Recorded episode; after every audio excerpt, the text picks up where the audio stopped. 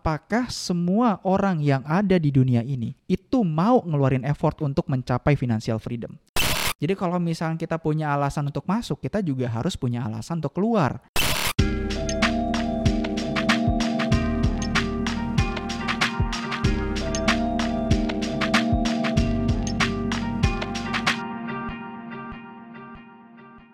Halo Sobat Baper Beijing, selamat datang di episode ke-19 Baper Beijing yang berjudul Things You Have to Know About Stocks.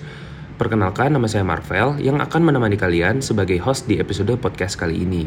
Pada podcast episode kali ini, saya akan ditemani oleh narasumber yang berkompeten di bidang saham, yaitu perwakilan dari Sekuritas Indo Premier yang bakal bagiin ilmunya ke kita semua. Uh, boleh dong kak, perkenalkan dulu ke para pendengar Baper Beijing. Halo teman-teman semuanya dari Permit Beijing. Salam kenal ya. Kenalin, nama saya Imam Gunadi, saat ini investment spesialis di Indo Premier Sekuritas yang merupakan salah satu sekuritas terbesar di Indonesia. Uh, kira-kira ada upcoming event apa sih kak uh, dari Indo Premier Sekuritas di bulan-bulan Desember nanti atau ke depan? Oke, jadi kalau misalkan untuk upcoming eventnya itu kita memang biasanya di akhir tahun lumayan banyak event ya. Salah satunya event unggulan kita itu adalah uh, Outlook ya, sektor Outlook di mana nanti kita akan mengadakan sebuah acara terkait dengan prospek masing-masing sektor yang ada di Indonesia. Ya, misalkan sektor teknologi bagaimana nih ke depannya, apakah menarik atau tidak. Kemudian sektor misalkan uh, konstruksi ke depannya menarik atau tidak, properti ini menarik atau tidak ya. Jadi kurang lebih kita akan uh, apa namanya membedah dan kita akan melihat bagaimana prospek dari masing-masing sektor yang ada di Indonesia. Nah, tentunya juga uh, kemungkinan nanti di bulan Desember ini kita akan ada gestarnya juga. Kemungkinan kita akan coba undang Ibu Sri Mulyani juga gitu ya. Jadi tentunya ini sangat menarik sekali eventnya. Itu event yang pertama. Kemudian event yang lain juga di bulan Desember ini kita akan mengadakan IPOT Academy. Jadi di dalam IPOT Academy ini kita uh, akan mengadakan sebuah pendidikan gitu ya. Mulai dari financial planning pendidikan basic sampai dengan uh, materi advance-nya ya uh, sampai dengan analisisnya. Jadi teman-teman yang nanti ikut IPOT Academy ini akan mendapatkan uh, materi ya dari materi yang basic ini ya uh, financial planning sampai dengan uh, materi yang advance selama kurang lebih ya satu bulan lah gitu ya. Jadi uh, ini pas banget sih sebenarnya untuk teman-teman yang memang notabene itu masih pemula banget gitu ya. Mau tahu pasar modal itu gimana, mau tahu investasi itu gimana, mau tahu itu cara analisis itu bagaimana. Uh, selain itu juga nanti di dalam IPOT Academy itu juga teman-teman bisa belajar instrumen lain selain saham seperti reksadana dan juga ETF seperti itu. Nah untuk pendengar-pendengar kita nih, sebelumnya kakak boleh jelasin dengan singkat gak saham itu apa sih dan kan banyak ya uh, instrumen investasi seperti emas hmm. lah, properti. Nah bedanya saham dengan instrumen investasi lain itu apa sih? Oke, jadi kalau misalkan uh, kita lihat ya, sebenarnya simple aja saham itu uh, saham itu lebih dikenal dengan bukti kepemilikan kita atas suatu perusahaan. Ya, artinya kalau misalkan nanti kita membeli sebuah saham atau kita invest ke dalam sebuah saham, artinya di situ kita sama dengan memiliki sebuah perusahaan. Kalau misalkan di sini kita membeli perusahaannya ini adalah perusahaan BCA misalkan ya atau beli saham BCA maksudnya, artinya di sini sama seperti kita memiliki ya bank BCA gitu ya. Karena di sini kita e, menjadi seorang pemilik perusahaan, artinya di sini juga kita berhak ya kan atas e, keuntungan yang dihasilkan oleh perusahaan. Maka dari itu e, biasanya ya kalau misalnya kita invest di saham, salah satu keuntungan di saham itu adalah adanya pembagian dividen. Ya, jadi setiap periode atau setiap tahun biasanya kalau misalkan perusahaan ini menghasilkan keuntungan yang menarik, itu pemegang saham atau kita sebagai pemilik perusahaan itu uh, dapat juga gitu. Kan menarik ya. Jadi kalau misalkan kita pengen uh, dapat atau pengen punya pasif income dari instrumen seperti saham itu bisa banget sebenarnya gitu. Kalau teman-teman mungkin di sini pengen uh, cari gitu ya, dari mana nih saya bisa dapat pasif income. Nah, teman-teman bisa dapat dari saham. Atau kalau misalkan teman-teman juga pengen nambahin active income gitu ya, Nah, teman-teman juga bisa trading di saham. Jadi di saham itu banyak banget caranya untuk kita bisa dapat keuntungan. Kita bisa dapat dari trading, kita bisa dapat dari investing gitu. Jadi simpelnya saham ini adalah bukti kepemilikan atas suatu perusahaan ya. Jadi berbeda dengan kalau misalkan kita invest di apa namanya di emas gitu ya. Kalau kita invest di emas kan uh, kita beli emas gitu ya. Yang kita beli adalah komoditas. Tapi kalau misalnya kita invest di saham, yang kita beli adalah perusahaan. Nah di Bursa Efek Indonesia di Indonesia uh, saat ini juga ada perusahaan yang memproduksi emas dan menjual emas gitu ya, yaitu aneka tambang, bahkan perusahaan seperti itu juga bisa kita miliki sahamnya. Jadi kalau misalkan di sini ada teman-teman yang investasi di emas gitu ya, akan lebih menarik lagi, akan lebih baik lagi kalau misalkan teman-teman juga invest juga di perusahaannya. Jadi selain teman-teman nanti uh, dapat keuntungan dari hasil investasi emasnya, teman-teman juga akan mendapatkan keuntungan dari hasil Antam ini menjual emas kepada teman-teman gitu. Jadi selain kita menjadi konsumennya, kita juga menjadi investornya gitu ya. Jangan sampai kita jadi konsumen doang gitu ya kan sayang banget ya kan. Ada uang keluar tapi nggak balik lagi ya. Ini biasanya yang yang saya lakukan supaya ketika nanti saya belanja itu saya nggak ngerasa rugi mas. Jadi uh, biar nggak ngerasa rugi ya saya beli aja sahamnya. Jadi kalau misalkan nanti saya belanja gitu kan, ya saya nggak ngerasa rugi karena uh, mungkin nanti uangnya juga akan balik lagi ke saya dalam bentuk dividen gitu kan.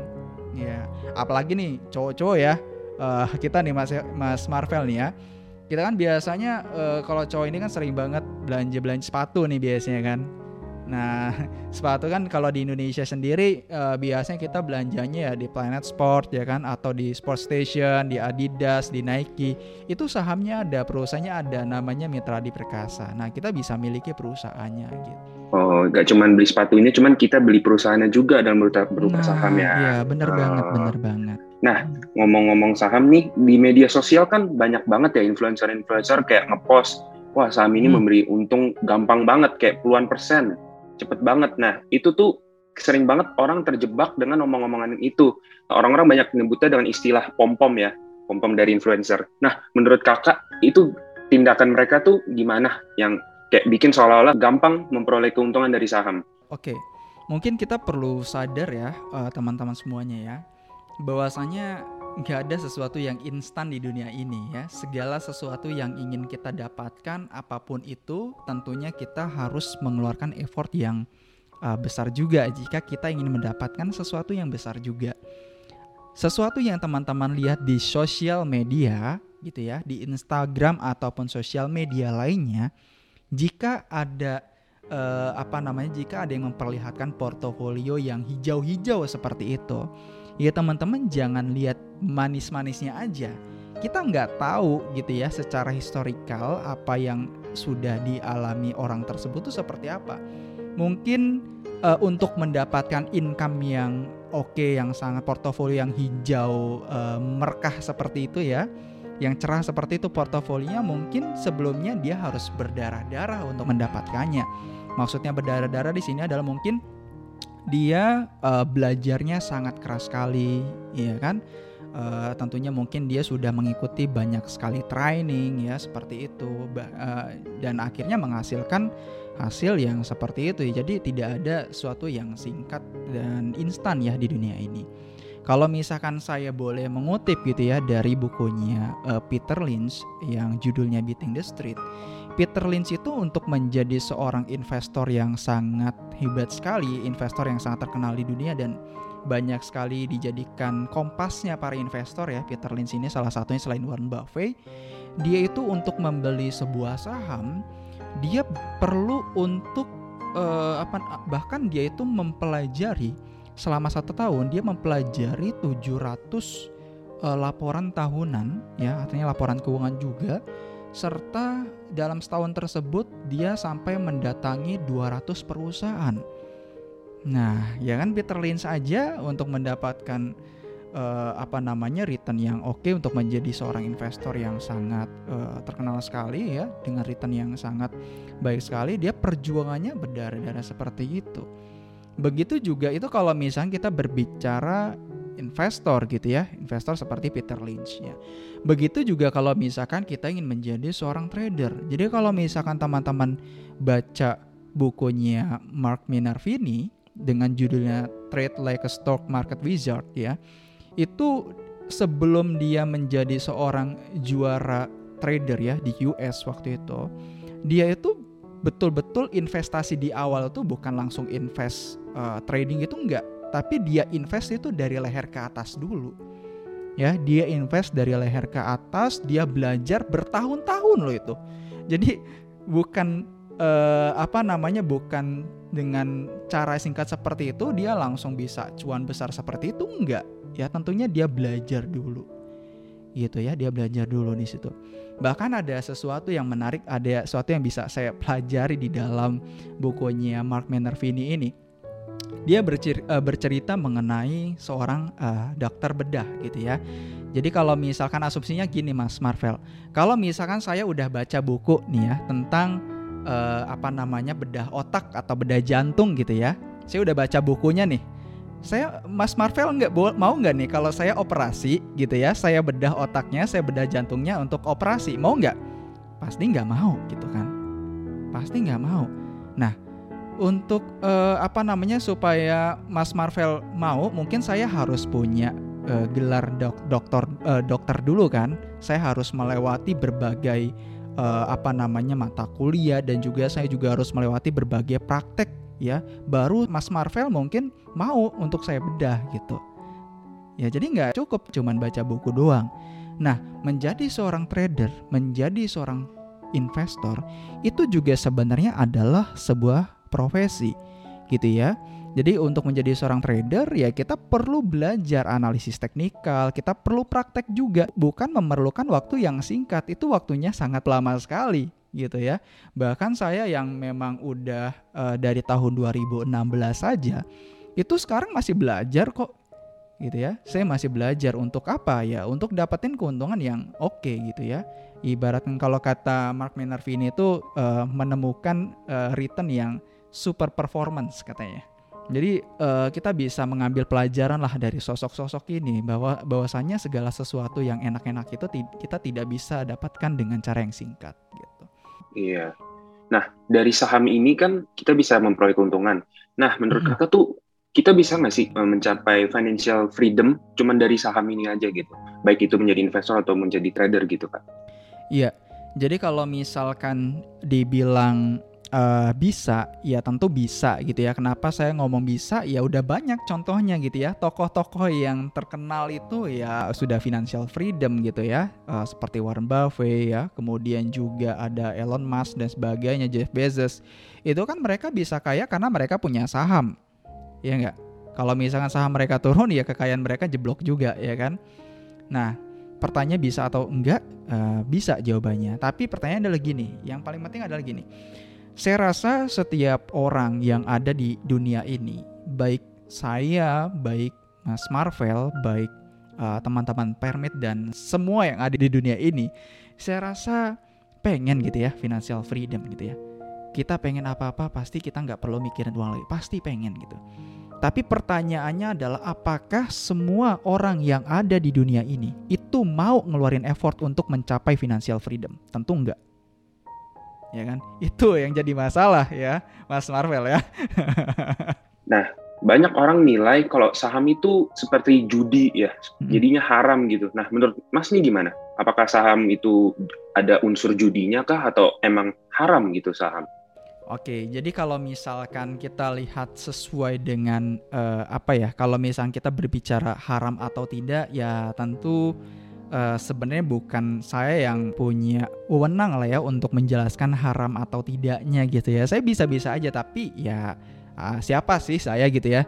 Nah, di sini mungkin saya ingin menggunakan dasar yaitu dari fatwa DSN MUI ya nomor 80 uh, eh, tahun 2000 uh, tahun 2011 tentang penerapan prinsip syariah dalam mekanisme perdagangan efek bersifat ekuitas di pasar reguler bursa efek Indonesia ya atau bursa efek. Nah, itu dikatakan eh, dikatakan dalam fatwa tersebut bahwasanya transaksi jual beli saham itu tidak sama sekali tidak Haram karena apa yang kita perjualbelikan itu barangnya ada. Ya, tapi ada stage di mana yang namanya saham itu bisa jadi jadi sesuatu yang gambling gitu. Kapan itu muncul? Ketika teman-teman membeli saham itu tidak tahu saham apa yang teman-teman beli. Gitu ya. Itu sama seperti teman-teman ibaratkan kalau ada ada yang bilang beli kucing dalam karung lah seperti itu ya. Beli kucing dalam karung gitu ya. Itu sama ketika teman-teman tidak dianalisa dulu gitu ya baik secara fundamental ataupun teknikal teman-teman cuma ngeliat wah hari ini naik gitu ya. Bahasanya adalah kena pom pom gitu ya psikologinya kena mental gitu ya. Jadi pengen ikut ikutan masuk gitu ya dengan harapan bahwasanya harga ini bisa naik lagi. Wah dasarnya apa gitu yang digunakan? Nggak ada dasarnya. Nah ini sesuatu yang sebenarnya e, secara fatwanya ini boleh kan transaksinya tidak haram, ini bisa aja jadi gambling atau jadi judi ya ketika kita nggak tahu apa yang kita beli. Tidak hanya di saham, eh, misalkan mau buat usaha tanpa melakukan riset terlebih dahulu itu gambling nggak? Gambling sebenarnya. Misalkan kita mau jual apa nih? Misalkan saya mau jual mie ayam, gitu ya. Saya mau jual mie ayam di perumahan ini, misalkan di komplek ini. Ya kita perlu lihat ya di komplek itu suka nggak sih orang-orangnya sama mie ayam gitu kan kan kita perlu riset dulu seperti itu ya ya kurang lebih ilustrasi ataupun contohnya seperti itulah mas uh, Marvel dan teman-teman semuanya ya intinya segala sesuatu yang memang kita itu lakukan tanpa ketidakjelasan itu sama dengan uh, gambling ya seperti itu uh -uh. nah kan cara orang cari duit dari saham tuh ada seperti Mas bilang tadi ada investasi hmm. dan juga trading ya Nah, hmm. banyak orang bilang kalau trading tuh sebenarnya percuma karena ujung-ujungnya rugi juga. Nah, mendingan kita invest saja benar, cari perusahaan yang bagus, fundamental bagus, dan hold bertonton dan mendapatkan uh, capital gain lebih gede dibanding trading. Gimana? Mending apakah kita invest saja gitu atau sebenarnya trading boleh, cuman lebih bagus invest gitu? Oke. Sebenarnya sih kalau misalkan dibilang uh, investasi itu lebih baik dari trading ataupun trading lebih baik dari investasi, ini sebenarnya tidak ada yang benar ya kedua-duanya ini sama-sama baik ya keduanya ini sama-sama tidak ada yang buruk. Keduanya sama-sama baik gitu ya. Keduanya sama-sama bisa menghasilkan return untuk kita dan keduanya ini sebenarnya bisa membuat kita financial freedom juga. Ya kan? Dari cerita-cerita saya sebelumnya ini orang-orang yang sudah saya mention juga tadi ya. Tapi uh, yang paling apa yang pengen saya mention di sini adalah ingat kata Warren Buffett ya bahwasanya yang namanya risiko gitu ya, yang namanya risiko apa pun itu, itu akan datang ya, itu akan datang ketika tidak ketika dia itu tidak tahu apa yang ketika kita tidak tahu apa yang sedang kita lakukan. Ya, jadi kalau misal misalkan teman-teman gini, teman-teman pengen trading gitu ya, teman-teman gak tahu analisis teknikal, risikonya gede nggak? Gede ya kan? Gede dong. Begitu juga kalau misalnya teman-teman mau investasi gitu ya, mau value investing, mau growth investing, mau income investing, teman-teman nggak tahu analisis fundamental. Risikonya gede nggak? Gede. Gitu. Tapi eh, jadi di sini bukan mengenai uh, invest itu lebih baik dari uh, trading ataupun trading itu lebih baik dari invest bukan, tapi di sini adalah bagaimana cara kita tahu apa yang kita lakukan gitu ya supaya kita bisa meminimalisir risikonya. Iya, berarti dengan cara analisa bisa meminimalisir uh, kerugian-kerugian itu ya Mas ya. Nah, ngomong-ngomong analisa nih, kan uh, untuk sebelum beli saham tentunya kita analisa kan. Nah, hmm. uh, sepengetahuan saya analisa saham itu ada dua macam yaitu teknikal dan juga fundamental. Nah, boleh dijelasin secara singkat nggak bedanya itu apa teknikal dan fundamental? Oke, jadi kalau misalkan kita berbicara mengenai analisis fundamental, ya, yang kita analisis atau yang menjadi objek analisis di sini adalah bagaimana kinerja perusahaan atau faktor-faktor yang mempengaruhi bagaimana kinerja perusahaan tersebut. Ya, contohnya adalah ya kita bisa lihat dari profitability-nya, apakah perusahaan tersebut mampu menghasilkan keuntungan dengan baik atau tidak Kemudian yang keduanya, yang kedua biasanya kita lihat dari sisi risikonya, gitu ya.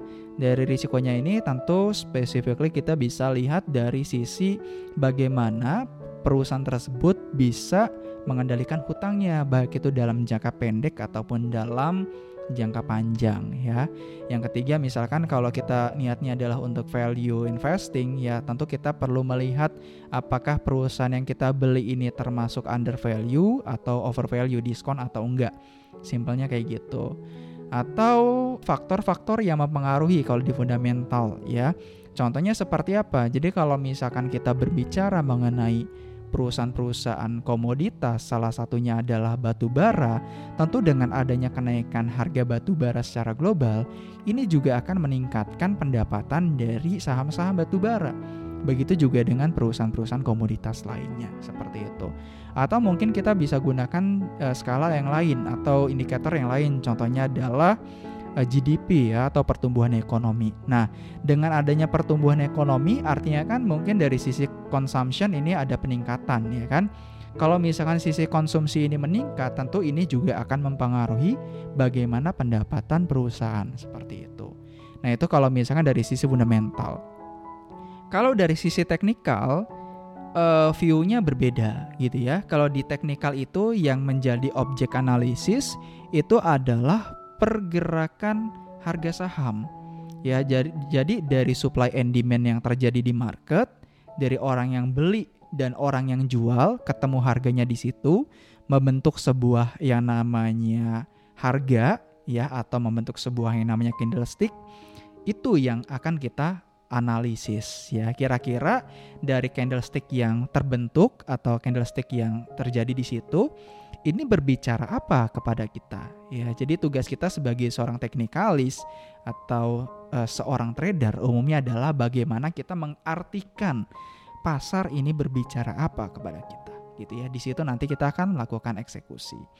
Ya kurang lebih simpelnya seperti itu. Atau kalau boleh saya ilustrasikan ya uh, antara fundamental dan juga teknikal ini sebenarnya sama seperti ketika kita ingin membeli sebuah barang. Anggaplah kita di sini ingin membeli sebuah baju gitu ya. Kalau kita menggunakan analisis fundamental ya, kita perlu masuk ke toko bajunya. Ya, kita masuk ke toko bajunya, kita lihat baju yang dijual ini bagus nggak nih bahannya, gitu ya. Kemudian kita lihat diskonnya menarik atau enggak, gitu kan? Atau kita lihat juga nih pelayanannya di toko tersebut itu oke atau enggak pelayanannya bagus atau enggak gitu. Nah kalau secara teknikal sebenarnya kita nggak perlu masuk ke dalam toko itu. Kita mungkin di mungkin di depan toko tersebut ada bangku taman mungkin ya. Kita cukup perlu duduk di bangku tersebut. Kita perhatikan apakah banyak orang yang masuk ke dalam toko tersebut uh, banyak atau enggak. Kalau misalkan ternyata banyak yang mengunjungi toko tersebut, di sini kita bisa uh, apa namanya asumsikan bahwasanya uh, saham ini menarik gitu. Jadi kurang lebih kalau saya ilustrasikan seperti itu ya. Makanya kalau di analisis teknikal selain harga juga ada yang namanya analisis volume gitu. Uh, ngomong-ngomong volume, nah saya tahu juga nih hmm. uh, dengar-dengar dari teman saya kalau selain hmm. te uh, teknikal sama fundamental ada juga aliran bandarmologi. Nah itu hmm. boleh dijelasin secara singkat gak? Itu analisis bandarmologi itu kayak gimana? Oke, jadi um, ada yang bilang bahwasanya memang antara bandarmologi ya dengan analisis teknikal ini sesuatu yang terpisah gitu ya. Tapi ada juga yang bilang bahwasanya bandarmologi juga sebenarnya merupakan bagian dari analisis teknikal. Kenapa? Karena kalau misalkan kita ngomongin bandarmologi, kita kan ngomongin flow. Iya kan? Jadi kalau misalkan kita ngomongin flow, kalau saya masuk ke dalam uh, ilustrasi yang tadi orang-orang mau beli baju ya kan ibaratkan ya berapa banyak orang yang masuk ke dalam toko itu. Sebenarnya sama seperti itu ya. Kita bisa uh, masukkan ke dalam analisis teknikal juga. Tapi ada juga yang memang gitu ya memisahkan lah antara analisis teknikal, fundamental, dan juga bandarmologi ya. Jadi intinya di dalam analisis bandarmologi ini bagaimana nantinya kita melakukan analisis terhadap uh, flow atau big money gitu ya yang akan masuk ke dalam uh, suatu saham. Apakah di saham ini bahasanya itu apakah saham ini itu lagi diakumulasi atau lagi didistribusi nih? kalau misalnya kita menemukan bahwasannya saham ini sedang diakumulasi seperti itu, artinya menarik. Kenapa? Artinya big money-nya lagi masuk. Gitu kan? Jadi kalau misalkan saham tersebut ternyata sedang didistribusi seperti itu, ini artinya big money-nya lagi keluar gitu ya. Itu ada metodenya itu ada ya. Nah, kalau misalnya keluar seperti itu big money-nya ya itu waktunya untuk kita keluar gitu ya. Tapi kita juga bisa mengkombinasikan ya. Saya juga sering Mas Marvel nih mengkombinasikan antara akumulasi, distribusi dan juga analisis teknikal. Jadi kalau misalkan di dalam analisis teknikal itu ketika uh, sudah ada timing untuk kita entry gitu ya, sudah menarik ya. Saya lihat dulu nih, kira-kira apakah sekarang ini waktunya untuk uh, akumulasi atau distribusi ini sekarang waktunya. Kalau ternyata masih distribusi, saya nggak mau masuk.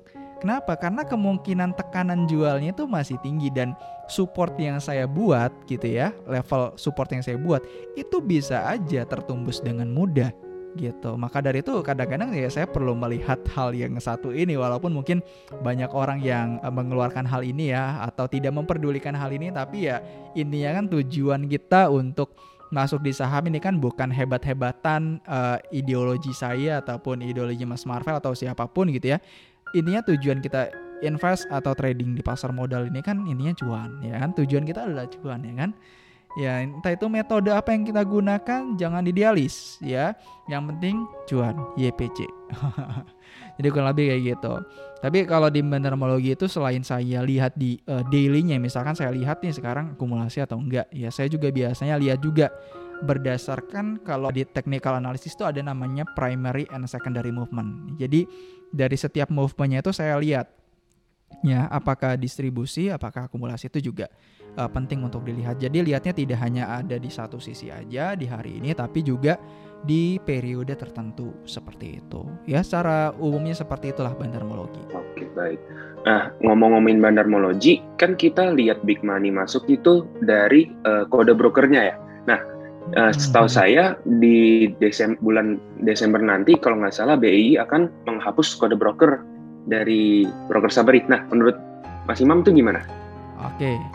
Jadi kalau misalkan menurut subjektif ya, ini jawabannya subjektif ya. Jadi mungkin di sini saya nggak akan bawa nama institusi ataupun dari mana pun ya, tapi saya sebagai seorang uh, trader di sini tentu saya uh, menolak kalau misalkan itu dihapus gitu.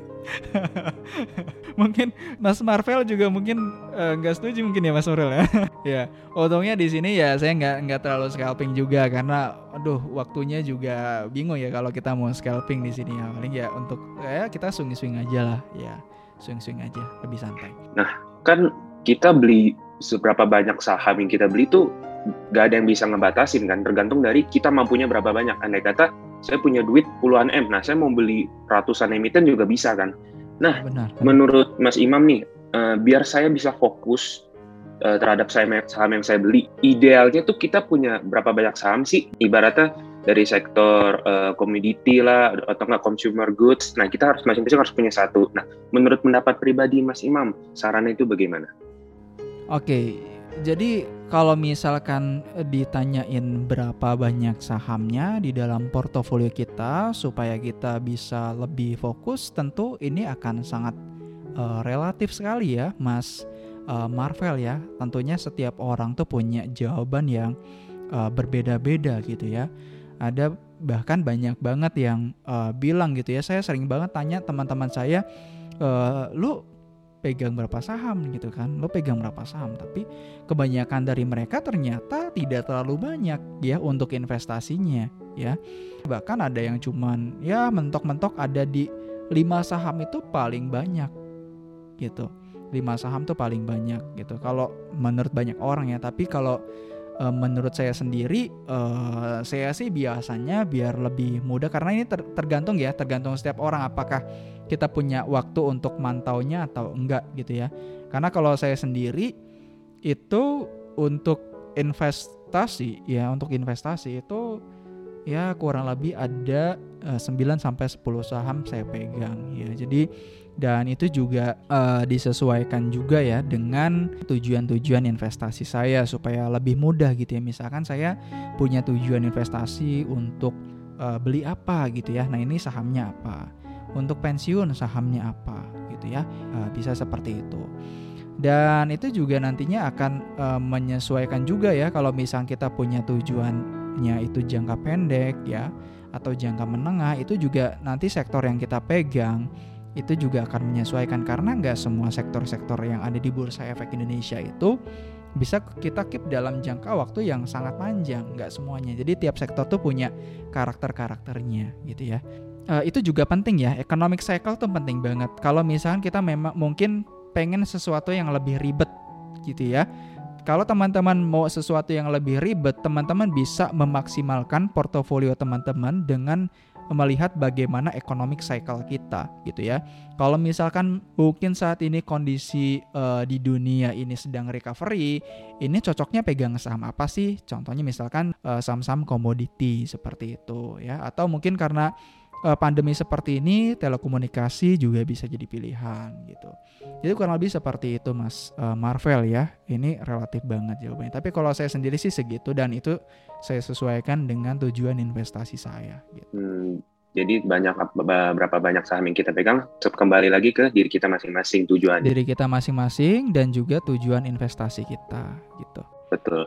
Nah di saham ini kan ada banyak banget ya istilah-istilahnya kayak second linear, third linear, ataupun blue chip, ataupun gorengan. Nah, boleh nggak Mas kira-kira jelasin secara singkat eh, istilah-istilah penting dalam saham yang pendengar kita perlu tahu gitu? Oke, jadi kalau misalkan tadi sempat di uh, mention ya mengenai blue chip ya, ini sebenarnya bukan istilah ingat teman-teman ini bukan istilah yang baku ya kata blue chip ini ya. Ini sebenarnya kata kata-kata di jalanan ya, kata-kata mungkin di jalanan yang memang saat ini sudah uh, mendarah daging di dunia pasar modal khususnya di saham gitu ya. Karena kalau misalkan kita lihat secara historinya juga kata-kata blue chip ini uh, dipopulerkan pertama kali itu oleh orang yang namanya Oliver Gingold ya mungkin Mas Marvel juga uh, sudah pernah dengar ya bahwasanya blue chip ini dipopulerkan oleh Oliver Gingold dia itu dapat kata-kata ini dari permainan poker yang ada di US waktu itu. Chip itu ada tiga warna chip gitu ya. Jadi ada warna putih ada warna merah dan juga ada warna biru. Nah Blue chip ataupun chip dengan warna biru ini adalah chip yang punya value paling atau nilai paling tinggi gitu ya. Jadi pas si Oliver Gingold ini uh, balik ke Wall Street gitu ya, dia ngelihat saham yang uh, apa namanya fundamentalnya menarik, sahamnya menarik, dia langsung nyebut oh ini blue chip nih, blue chip nih gitu ya. Jadi pengandaian gitu ya. Jadi lagi-lagi kalau misalnya teman-teman di sini punya apa namanya definisi blue chip sendiri ya silakan silakan aja karena ini sebenarnya relatif. Tapi banyak banget yang mendefinisikan blue chip itu dengan kapitalisasi pasar gitu ya. Itu juga ya silakan silakan aja gitu ya. Ya tentunya uh, ini lagi-lagi hanyalah istilah-istilah yang ada di jalanan gitu ya. Tapi kalau misalkan teman-teman nanti ingin melakukan analisis ya teman-teman jangan terbayang-bayang dengan kata-kata blue chip. Ya fokus aja kalau misalkan kita pengen lihat market cap-nya, lihat market cap-nya berapa gitu ya. Bukan lihat oh ini kalau market cap-nya uh, segini itu blue chip. Uh, jangan kayak gitu. Kita fokus aja pada bagaimana kinerja perusahaan tersebut dan bagaimana market cap perusahaan tersebut. Kalau bagus, silahkan teman-teman bisa cap dengan kata blue chip. Karena kalau misalkan saya pernah iseng-iseng gitu ya, saya search ada orang yang bilang kata blue chip itu dia punya market cap di atas 10 triliun. Ada yang bilang juga gitu ya, uh, kalau Mas Marvel sempat baca di Investopedia ya, blue chip itu kalau pakai kurs saat ini itu ada di angka uh, sekitaran 70 triliunan ya, 70 sampai 72 triliunan. Nah, itu seperti itu. Ada juga yang bilang blue chip itu di atas 50 triliun. Nah, jadi saya bingung, mana nih sebenarnya saham blue chip itu definisinya seperti apa? Gitu ya. Jadi relatif banget gitu ya. Jadi teman-teman sih nggak usah terpaku sama istilah kayak blue chip, second liner atau third liner gitu karena ini sebenarnya sangat relatif banget gitu ya fokus aja teman-teman sama bagaimana market cap perusahaan dan juga bagaimana uh, rasio-rasio keuangan perusahaan tersebut. Apakah uh, dari rasio-rasio tersebut uh, memberitahu ke kita bahwasanya perusahaan ini punya kualitas yang bagus atau enggak? Lebih baik better dari situ gitu ya. Itu lebih objektif. Hmm. Nah, dalam transaksi saham kan tentu uh, psikologi sangat ngaruh ya kak dalam uh, maksud iya. maksudnya yeah. dalam beli dan jual apakah kita psikologi kita lagi terganggu jadi kita FOMO atau kita lagi stres jadi kita bingung harus gimana nah menurut uh, Mas Imam gimana caranya kita uh, kontrol psikologi kita agar kita dapat tenang gitu mengikuti alur uh, pasar biasanya gini ya um, ketika kita nggak bisa mengendalikan uh, psikologi kita ya psikologi kita biasanya orang-orang yang seperti itu dia yang nggak punya rencana ya dia nggak punya plan gitu ya. Investing plan and trading plannya mereka nggak punya. Ketika mereka itu ngelihat sahamnya naik ya seperti itu uh, mereka bingung ini waktunya untuk jual atau enggak gitu ya. Kemudian kalau sahamnya turun ini gimana nih? Saham saya turun nih. Kebingungan ya kan mentalnya kena kan dari situ kan nah itu jadi nggak terkendali psikologinya. Begitu juga kalau misalkan kita investasi. Nah biasanya orang kalau ngomongin planning gitu ya untuk investasi ataupun trading, biasanya orang tuh lebih fokus dengan trading. Investasi juga sama ya. Orang kebanyakan kalau kita cari-cari ya Mas Marvel itu ya, kebanyakan trading plan, trading plan. Investasi juga sama punya gitu ya. Jadi kalau misalnya kita punya alasan untuk masuk, kita juga harus punya alasan untuk keluar. Misalkan kita mau invest gitu ya di satu saham uh, kita mau tujuan investasinya itu adalah lima tahun atau 10 tahun atau bahkan sampai dengan pensiun gitu ya kita mau keep saham ini uh, apa namanya kita mau pegang kita mau invest di saham ini tapi kalau misalkan nanti di tengah-tengah jalan misalkan tiba-tiba secara revenue atau pendapatan perusahaan ini itu sudah tidak menarik lagi atau dalam beberapa periode sudah mulai mengalami penurunan dan sentimen-sentimennya ke, eh, ke itu juga sudah kurang menarik. Nah, pertanyaannya apakah kita tetap pegang saham ini atau enggak? Ya tentu ya enggak kan ya. Tentu harus kita lepas. Buat apa gitu ya kita keep udah udah jelas-jelas enggak enggak menarik lagi, tapi kita kekeh buat uh, keep sampai jangka panjang sampai dengan uh, pensiun gitu ya yang ada tujuan keuangan kita tidak tercapai. Bukannya pensiun kita bisa senang-senang bahagia yang ada pas pensiun yang ada boncos gitu kan jadi kurang lebih itu ya. Yang paling penting adalah untuk menghindari ya uh, uh, psikologi seperti ini atau bias-bias emosional seperti ini kita pe perlu dan perlu punya rencana yang sangat jelas. Tidak hanya trading investing juga sama gitu ya. Ya, baik itu teman-teman misalkan value investing gitu ya, kemudian juga income investing, growth investing. Itu juga pintu-pintu masuknya, pintu-pintu keluarnya ada masing-masing gitu ya. Punya masing-masing pintu. Nah, teman-teman harus cari pintu masuknya gimana, pintu keluarnya gimana gitu. Hmm, jadi secara tidak langsung kalau misalnya uh, saya beli saham dan saya terjebak nih sahamnya terus-terus turun Nah, yeah. mau nggak mau kita analisa, nah uh, apakah kita harus average down atau enggak kita harus keluar gitu ya, kalau nggak ada prospek seperti yang Mas mau bilang tadi. Iya, kita perlu untuk melakukan evaluasi gitu ya. Kita perlu melakukan untuk evaluasi. Nah, ini sebenarnya sama sih kayak uh, kita itu ngasih modal ke orang untuk usaha gitu ya. Setelah kita kasih modal, apakah kita biarin aja nih Mas Marvel? Ya tentu enggak ya kan.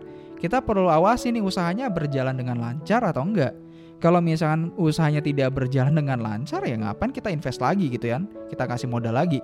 Di saham juga sama seperti itu. Ketika ternyata kinerjanya sudah tidak menarik lagi ya ngapain ngapain lagi saya averaging down lagi di situ? Gitu ya. Kecuali kalau misalkan ternyata penurunan harganya ini uh, diakibatkan oleh kepanikan sesaat gitu ya. Tapi kinerja fundamentalnya ini masih bagus. Nah itu adalah malah waktu yang tepat untuk kita melakukan averaging down itu. Oke, nah saya mau nanya juga nih, berarti seandainya nih ada uh, di senario yang saya bicarakan tadi, hmm. saya keluar nih karena emang sahamnya udah ada nggak ada prospek, kan berarti saya cut loss ya kan Mas Imam? Uh, bisa bisa jadi cut loss, bisa jadi mungkin uh, tinggal tersisa berapa gitu ya keuntungannya. Tapi di sini in case di sini ternyata udah kena floating loss lah gitu ya. Nah, Nah, saya mau nanya nih, uh, kan berarti kita udah katos udah keluar, ibaratnya modal awal 10 juta, kita keluar-keluar karena kena minus, minus, minus, uh, sisa ibarat kata 3 juta. Nah, menurut Mas Imam, tuh kita sebaiknya gimana untuk menyikapi hal tersebut gitu? Harus kita berhenti atau nggak kita uh, take some time to break dulu atau nggak gimana? Ya, Oke, mungkin sih kalau misalkan seperti itu, kalau in case kita niat di awalnya itu untuk investasi ya, Mas Marvel ya. Ini uh, saya keluarin dulu trading biar kita fokus nih ya.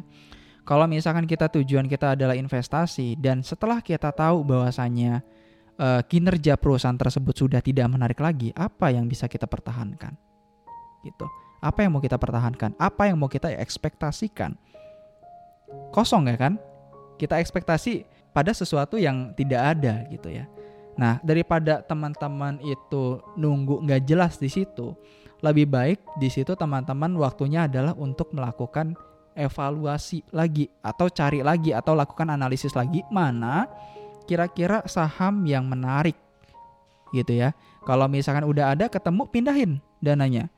Kita cut loss aja, ingat lagi-lagi tujuan cut loss itu adalah untuk melindungi aset kita ya kan? Kita cut loss aja tapi bukan berarti cut loss ini ya kita biarin gitu ya nggak kita apa-apain dananya. Ya itu udah pasti rugi gitu ya sayang banget gitu ya.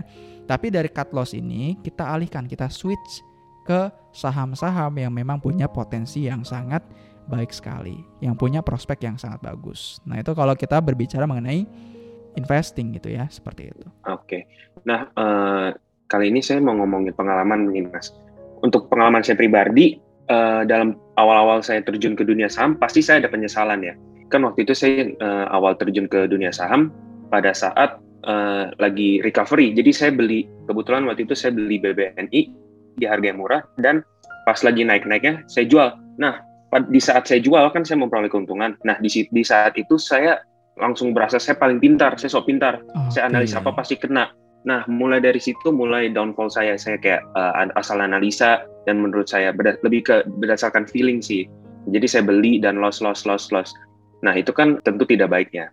Dan itu uh, salah hmm, satu penyesalan saya. Nah, pengalaman Mas pribadi uh, pada saat awal-awal tujuan ke dunia saham ada gak penyesalan tertentu seperti yang kayak saya tadi gitu? Oke, jadi kalau misalkan um, apa ya? Uh, kalau penyesalan di awal itu ya dibilang nyesal sih nggak terlalu nyesal nyesal banget ya. Paling kalau di awal sih nyeselnya ya saya nggak belajar dulu gitu. Jadi kalau misalkan mungkin uh, teman-teman yang mau investasi di saham itu teman-teman jangan langsung buka akun deh. Teman-teman belajar dulu teman-teman ikut kelas dari Indo Premier dulu nih. Ya kebetulan kita tiap hari juga ngadain webinar. Teman-teman bisa ikuti dari basic sampai advance tuh ada semua gitu belajar dulu intinya investasi dulu dari leher ke atas baru kalau teman-teman memang sudah siap secara uang dan juga mentalnya baru teman-teman itu terjun ke uh, saham di pasar modal. Tidak tidak perlu langsung uh, banyak nggak perlu ya pelan-pelan aja. Ya kalau misalkan pengen kecil-kecilan mau ngetes-ngetes dulu silakan. Satu lot gitu ya. Kalau misalnya ternyata oh saya masih bisa mengendalikan psikologi saya nih kalau misalnya satu lot ya. Kalau masih bisa uh, apa namanya mengendalikan psikologi kita atau emosi kita ya kita tambah.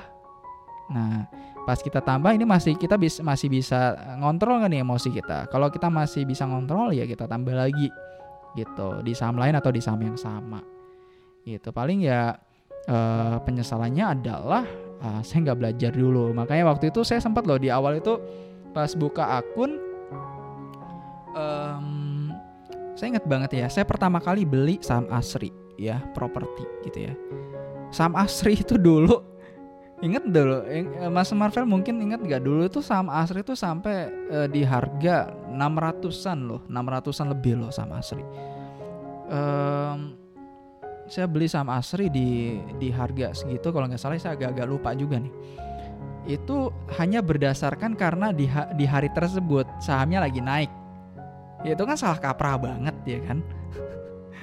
itu kan salah kaprah banget ya untungnya namanya juga di awal-awal ya waktu itu dan uh, waktu itu juga posisi masih di kampus gitu ya jadi nggak terlalu banyak jadi nggak terlalu nyesal nyesal banget lah tapi seiring berjalannya waktu ya lama kelamaan tentunya juga dengan adanya uh, kerugian seperti itu tentunya ini juga bisa membuat saya untuk bisa uh, untuk terus belajar lagi ya meningkatkan ya investasi dari leher ke atas lah seperti itu. Betul. Untuk investasi dari leher ke atas tentunya kita harus belajar dari tokoh-tokoh ataupun buku-buku. Nah, Mas Imam uh, pribadi ada saranin nggak? Kayak uh, dari mana sarana kita buat awam-awam untuk belajar saham atau enggak rekomendasi buku-buku apa yang penting nih buat kita baca yang menurut Mas isinya tuh daging banget buku itu jadi kayak kita penting banget buat baca Nah, sama saran-saran kayak uh, buat orang yang benar-benar belum mulai dan kepengen mulai membeli saham, berinvestasi ataupun trading, itu langkah-langkah belajarnya seperti apa gitu? Apakah nonton di YouTube saja cukup atau uh, baca-baca buku juga atau ikutin yang dari iPod sediakan tadi yang setiap hari ada uh, training gitu? Gimana Mas Imam? Oke, jadi kalau misalkan ditanya referensi gitu ya, uh, YouTube atau buku gitu sih, uh, mungkin kebanyakan kalau uh, orang di luar sana banyak yang ngasih rekomendasi untuk baca bukunya Graham, eh, Benjamin Graham gitu kan yang Intelligent Investor gitu kan. Tapi menurut saya itu bukunya agak lumayan berat sebenarnya dan terlalu, terlalu filosofis banget. Jadi untuk yang awal-awal tuh kurang uh, kurang pas lah menurut saya dan itu mungkin teman-teman bakal bosen karena bukunya itu bisa tuh buat ganjel pintu gitu ya. lumayan tebel banget gitu kan udah kayak batu bata gitu. Nah paling kalau di awal itu saya rekomendasiin banget bukunya uh, Glenn Arnold yang judulnya The Deals of Warren Buffett ya itu isinya mengenai pelajar uh, mengenai pengalaman Warren Buffett ketika dia investasi di uh, apa namanya perusahaan-perusahaan yang dia investasikan saat ini itu dari pengalaman-pengalamannya kita bisa dapat belajar banyak banget dari situ. Itu pertama. Kemudian yang kedua kalau misalkan teman-teman pengen uh, trading teman-teman bisa baca bukunya Mark Minervini ya. Yang judulnya tadi Trade Like a Stock Market Wizard gitu ya. Itu bagus banget judulnya Ya, paling itu sih kalau mau investasi sama trading itu saya rasa dua buku itu aja dulu di awal gitu ya. Mungkin kalau yang lain Oke, satu lagi sih bukunya Glenn Arnold yang Great Investor itu juga bagus banget karena itu isinya pengalaman-pengalaman dari investor seperti uh, Benjamin Graham ya, kemudian juga ada Warren Buffett juga, kemudian juga ada Philip Fisher, Peter Lynch itu semuanya ada di situ dirangkum oleh uh, Glenn Arnold. Ini jadi thank you banget nih buat Mbah Glenn Arnold nih ya. Udah ngerangkumin gitu ya. Kalau kalau yang lain sih uh, apa namanya untuk tambahan aja ya teman-teman mungkin bisa ikuti webinar-webinar kita juga. Karena webinar kita ini detail banget sih dari basic financial planning sampai dengan analisis ya itu semuanya ada gitu ya. Jadi teman-teman ikutin aja webinar-webinar di uh, Indo Premier atau di iPod ya di menu iPod Journey di aplikasi ya dari mulai uh, beginner sampai dengan advance semuanya ada. Oke, nah untuk penutup saya mau nanya eh, kira-kira Mas ada pesan-pesan apa untuk orang-orang di sana yang mau mulai main ataupun sudah main? Oke, mungkin uh, jangan main kali ya, jangan main kali ya, Mbak. Mungkin uh, investasi gitu ya, investasi atau berdagang lah, investasi atau berdagang gitu ya, karena saham itu bukan untuk main-main gitu ya. Nah mungkin uh, pesan-pesan saya adalah untuk mendapatkan hasil yang uh, oke okay, atau mendapatkan hasil yang baik di pasar modal, tentu kita tidak bisa uh, dalam waktu yang singkat, gitu ya.